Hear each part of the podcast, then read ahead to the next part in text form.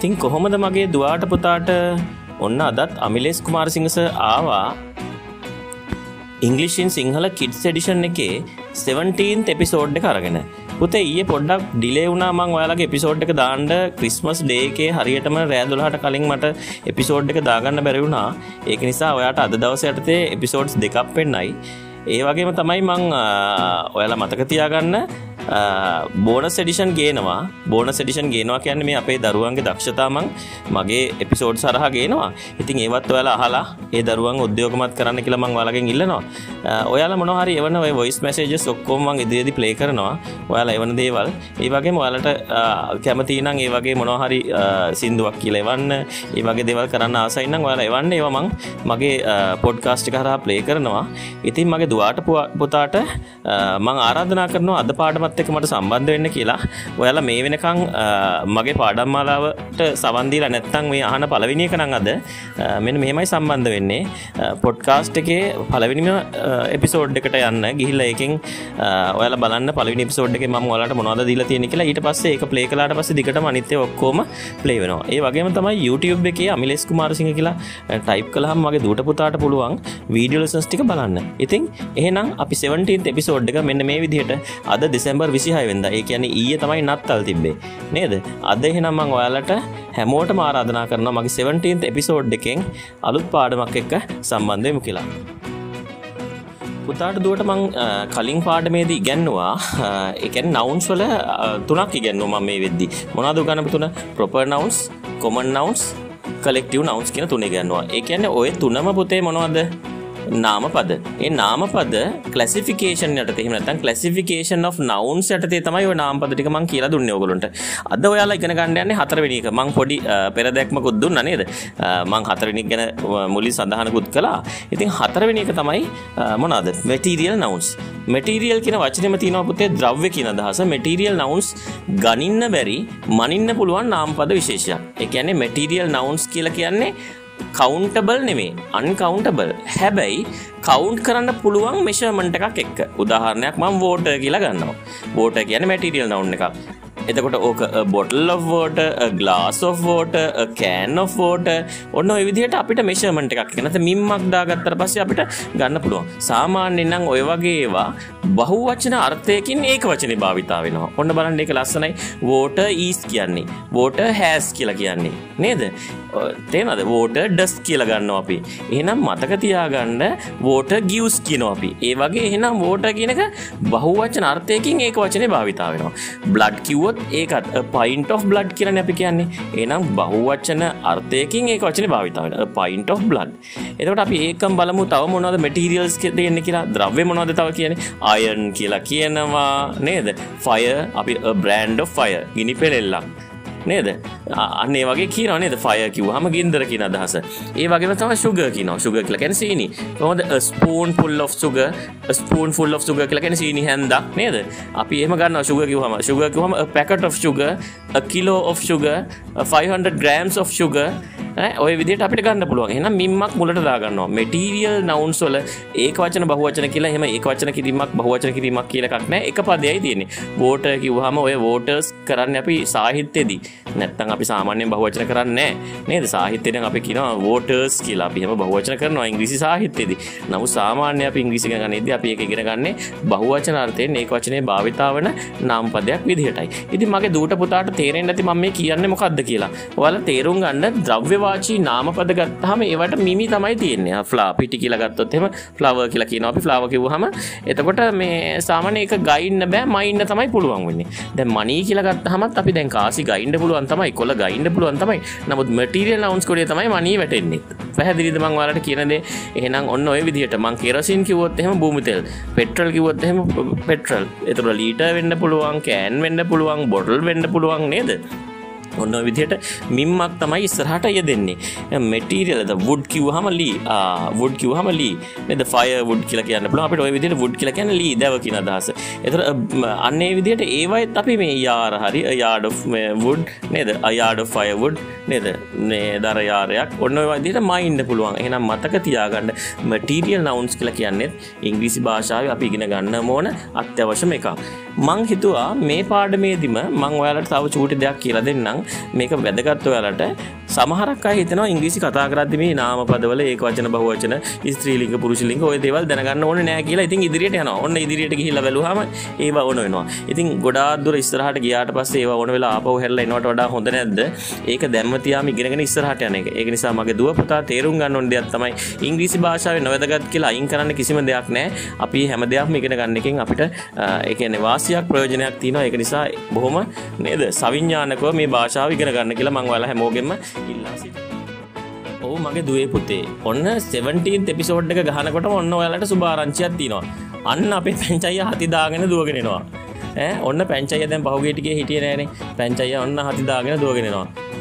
ඉතින් පැංචයියේ කොහොමද? මොකද පහුගිය කාලේ පැංචයියට උනේ මං ඒත් පරිවිඩ කීපයකොත් එව්වා. පැංචයිය ගැන හොයලා බලන්න කියලා.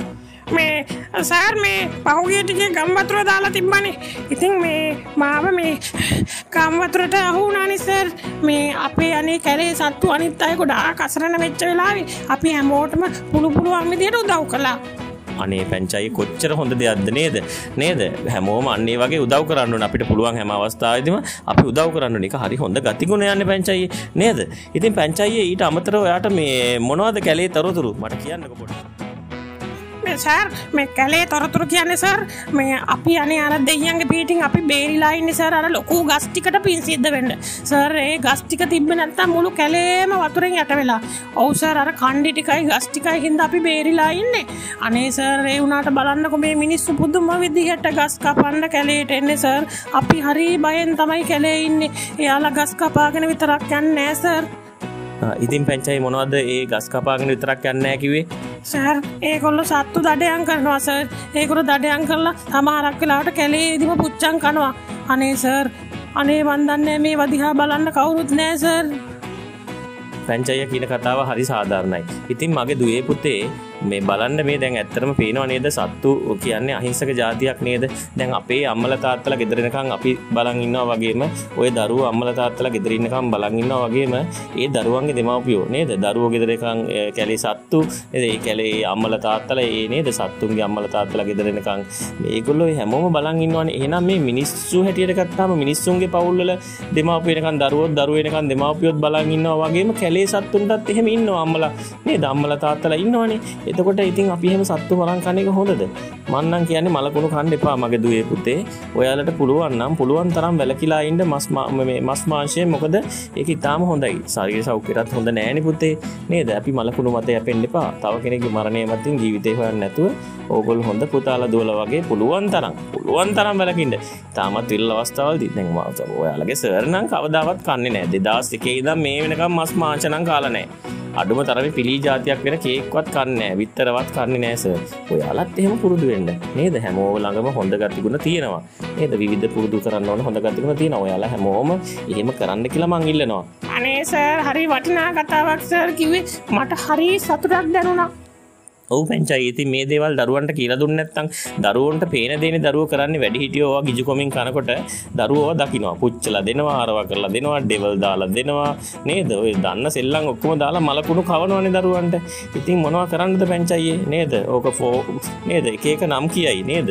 මටන් කියයි බීෆ් කියයි නේද? ඔය කොයි දේ කෑවත් අවසානිදි සත්ත මාංශ මත යැපෙන කණ්ඩායම දිහා බල්ලා මටනං හිතෙන්නේ පෞකාර ලෝකයක් තමයි මේක කියලයි ඉතින් මගේ පැංචයියේ මේ අද සෙක්මට එක අවසන් කරන්න කලින් එහෙනම් මේ ළමයි ඔක්කොටම අපි කියමු මස් මාංශ මත යැපෙන්න එපා. ඒ වයින් හෝමෝන වලට ලොකු බලපෑමක් කරනවා. ඒ වගේම තමයි මේ මස් මාංශ වලට විශේෂයිත දේවල් අඩංගු වෙන්න පුළුවන්. ඒවා ශරීර රහිත කරවෙන්න පුළුවන්. සමහරක් අවස්ථාවලදී නිර්දේශයක් ලැබිච්ච වෙලාවකට ශරීරයට අවශ්‍ය විටමින් ද්‍රව්‍ය එකතු කරගන්නවා හැරෙන්නට මස් මාංශ වලට ගිජු වෙලා පෙරේත වෙලා ඒව පස්සේ පන්නන්න එපා කියලා මගේ දූගෙන් පුතාගෙන් මං ඉල්ලා සිටිනවා. ඔයාලා දන්න අද මං ඔයාලට සෙග්මන්ට් එකෙන් පොඩි චැලෙන්ජ් එකක් දෙන්නවා. ඔයාලා දන්න මස් වර්ග වල නම් ටිකක් ඉංග්‍රීසියෙන් මට එවන්න. ඉංග්‍රීසියෙන් එවන්න මං එක බලනවා කමෙන්ට් එකක් හැටියට මට එවන්න. ඔයාලා දන්න මස් වර්ග මොනවද? ඉංග්‍රීසි වලින් ඔයාලා දන්නවද? ඒ මස් වර්ග වල නම් මොනවද? නේද? දැන් උදාහරණයක් ගත්තාම චිකන් කියලා ගත්තාම චිකන් තයි කියලා තියෙනවා. බ්‍රෙස්ට් කියලා තියෙනවා. චිකන් ගත්තාම ඒ චිකන් කියන එකේ තව තව ඒවා තියෙනවා නේද? චිකන් බ්‍රෙස්ට් එක චිකන් තයි එක චිකන් වින්ග්ස් කියලා කියනවා. නේද? නේද? ওই විදිහට ගොඩාක් තියෙනවා නේද? අන්න ඒවා ඔයාලා දන්න මොනවා දාන්ගේ දන්නේවා මට එවන්න බලන්න මගේ පුතේදුවේ ඉතින් අද සෙක්මන්ට් එක අවසාන කරන්න කලින් පැංචයට මොකුත් කියන්න තියෙනවද පැංචයි? මේ සර් මේ මට වැදගත් පනිවිඩයක් කියන්න තියෙනවා. අනේ සර් සත්තුන්ට හිංසා කරන්න එපා කියලා සර් කියන්න කල් ගහනවා. නේද? එක එක දේවල්වලින් අපිට හිංසා කරනවා. ඒ දේවල් කරන්න එපා කියලා කියන්න සර් ඔවු පැංචයිවා වටනා අදහසක් ගෙනාවේ. සත්තුන්ට ඉසා කරන්න හිතන හැම අවස්ථාකදම හිතන්න ඔයාට කවරු හරි කලකින් ගහනවන ඔයාට හිංසාවක් කරනවට ඔයා කැමතිද ආහෙම කැමති නැත්තන් සත්තුත් එහෙම කැමති නෑ. එයාලට කතා කරන්න බැරිටික විතරයි. නේද? බලන්න ගෙදර හදර බල්ල පෝස කොච්චර ලෙංගතු අපිට? නේද? කොච්චර අපිට ආදරේද? අපි ගැන කොච්චරට හොයනවද? අපි පකට බැස්සොත් ඒකුලොත් අපිත් එක්ක එනවා නේද? නේද? මේ දේවල් හිතුවනං ඔයාලා කවදාවත් සත්තුන්ට හිංසා කරන්න හිතන්නවත් නෑ. මෙහෙමයි. අපි නොදන්න කාලෙ එහෙම දේවල් කරනවා ඇති. ඒනට අපිට ටික ටික තේරෙනකට අපි ඒ දේවල් අතාරින්න ඕනේ. මයි පුතාදවා සත්තුන්ට හිසා කරන්න එපා පුතේදුවේ මගේ චූටි කාලෙත් මන් නොදැනුවත්ත මං හෙම කරලා තිනවා.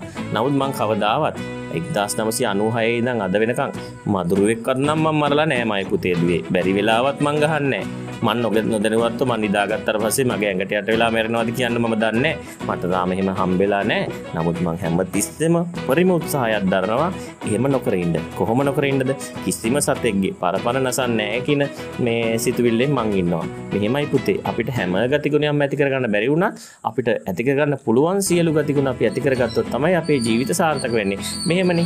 හැමදාම අපි හැමදාම අතීතය කරපු වැරදි දිහා බලබලා ඒවට බැනබෙන ඉන්නවට වඩා මේ දැන් හිතලා මේ දං හැරි අපිට හැදෙන්න්න පුළුවන්නම් අන්න ඒකාගේන කණ්ඩායමක් ඉන්නනම් එයාලත් එක් අපි ගමනක් ඉස්තරහට යන්නයි ඕනේ. අම්ම තාත්ත හරි වැරදි දෙයන්නම් කියන්නේ අනුමත කරන්න නම් එපා මගේ දුවේ පුතේ. ඒවට විරුද්ධව කතා කරන්න. අන්න ඉවැනි වෙලාවට තමයි ඔයාගේ වාදේ විවාදය අවශ්‍ය වෙන්නේ. ඒ වෙලාවට මේක හරි මේක වැරදි කෙනෙකට වාද විවාද කරන්න. ඒකට කමක් නෑ අම් මේක වැරදි තාත්ත මේක වැරදි. තාත්ත සිකරට බොන්න එපා. අම්මේ අම්ම මෙහෙම කරන්න එපා. තාත්තේ බොන්න එපා. නේද? ඒ වගේ දේවල් කියන්න. මගේ දුව පුතා හරි බුද්ධිමත්. දැන් ඉන්න දූල පුතාලා හරිම බුද්ධිමත්. හැබැයි මං දැකලා තියෙනවා මේ තරුණ සමාජයෙන් දැන් ගොඩක් ඔය කිව්වට ගොඩක් අය ඔය දේවල් වලින් ඈත් වෙලා නේද? නිර්මාංශ වෙච්චයි ගොඩාක් මගේ ජීවිතේ මට හම්බෙලා තියෙනවා. ඇත්තන මේ මෑතකදත් ම මගේ දරුවටික ඔක්කොටම කිව නිර්මාංශවම කියලා. ඒකල ගොඩක් එක වෙලා දැ නිර්මාංශ වෙනකුව මේ සමහරක් අයනම් නත්තල් දවසි නම්ම ඉදිරියට නිර්මාශයනකුව තවත් සමහරක්යි ජනවාරි පල ඉදන් අපි කන්නේ නෑ කියලා පොරොන්දුනාමට ති මට. හරිම සතුටයි. මට එහෙම දෙයක් කරන්න පුළුවන් වීම ගැන. මං ඔයාලා ඔක්කෝටම ආයු බොහෝ වේවා කියලා මේ සෙග්මන්ට් එක අවසං කරනවා. මේ සෑර් මමත් මේ දරු ඔක්කොටම මෙරි ක්‍රිස්මස් කියලා කියනවා. ඒ වගේම හැපී නිව්ය කියලත් කියනවා. ඔහු පැංචයි ට බොහම ස්තුති පැංචයි එනකං ඕන්න බලාගෙන හිටිය මගේ පැටවටික පැංචයි අපේ සෙක්මට දැන් දිගටම කරගෙන පුළුවන් වේද ඔවසර් මං හරි කැමැත්තෙන් ඉන්න අර මේ මම එනවසර් සෙක්මන්ට එකට. අනිවාර්යෙන්ම චූටි බාල බලන්න. මං හරිම ආස්සාාවෙන් ඉන්නේ හරි. එනම් මගේ දුවපුත්තේ අද සෙක්මට එක මේ විදිහට අවසං කරන එහ අපි 17 එපිසෝඩ් එක තමයි මේ විදිහට අවසං කරන්නේ. අපි 18 එපිසෝඩ් එකෙන් හෙට හම්බේනවා ඒ හම්බේනකං මන්දී පෝදන්ටිකත් පිළිපෙදලා ඒවමගේ සෞඛ්‍ය නේද? සෞඛ්‍යංශවල රජයෙන් ඒ ගෙන පනිවිටිකත් හරියට නිසියාකාරෝ පිළිපැදලා ඔයාලා හොඳින් ඉන්න හොඳට කන්න බොන්න දෙමවපියන්ට කරදර කරන්න එපා. නේද? තමගේ ශරීර සෞඛ්‍ය ගැන හිතන ගමම්ම ඔයාලගේ පවුල ආරක්ෂා කරගන්න කොවිඩ් ශොපින් යන්න පාපේ හමුදාපත්තුමා නිතර කියනවාගේ එලියට පහලට අනවශ්‍ය දේවලට යන්න එපා කියලා මංවාලකින් ඉල්ලා සිටිනවා. බුදු සරණයි දෙපිටයි මගේ දූට පුතාට. ඔයාලගේ දෙමාපියොත් පවුලේ සියලු දෙනත් හැමෝම මතක් කර කියලා මම කියන්න. ඒවාගේම ලක්වාසී ලෝකවාසී සියලු දෙනාම මේ කොවිඩ් වසංගතයෙන් මුදවාගන්න අපි ඔක්කොටම ශක්තිය ධෛරය ලැබේවා කියලමම් ප්‍රාර්ථනා කරනවා. එහෙනම් දරුවනේ අපි හෙට අපේ අලුත් එපිසෝඩ්ඩකින් හං වෙනකං දැනට මෙතනින් නවතිනවා.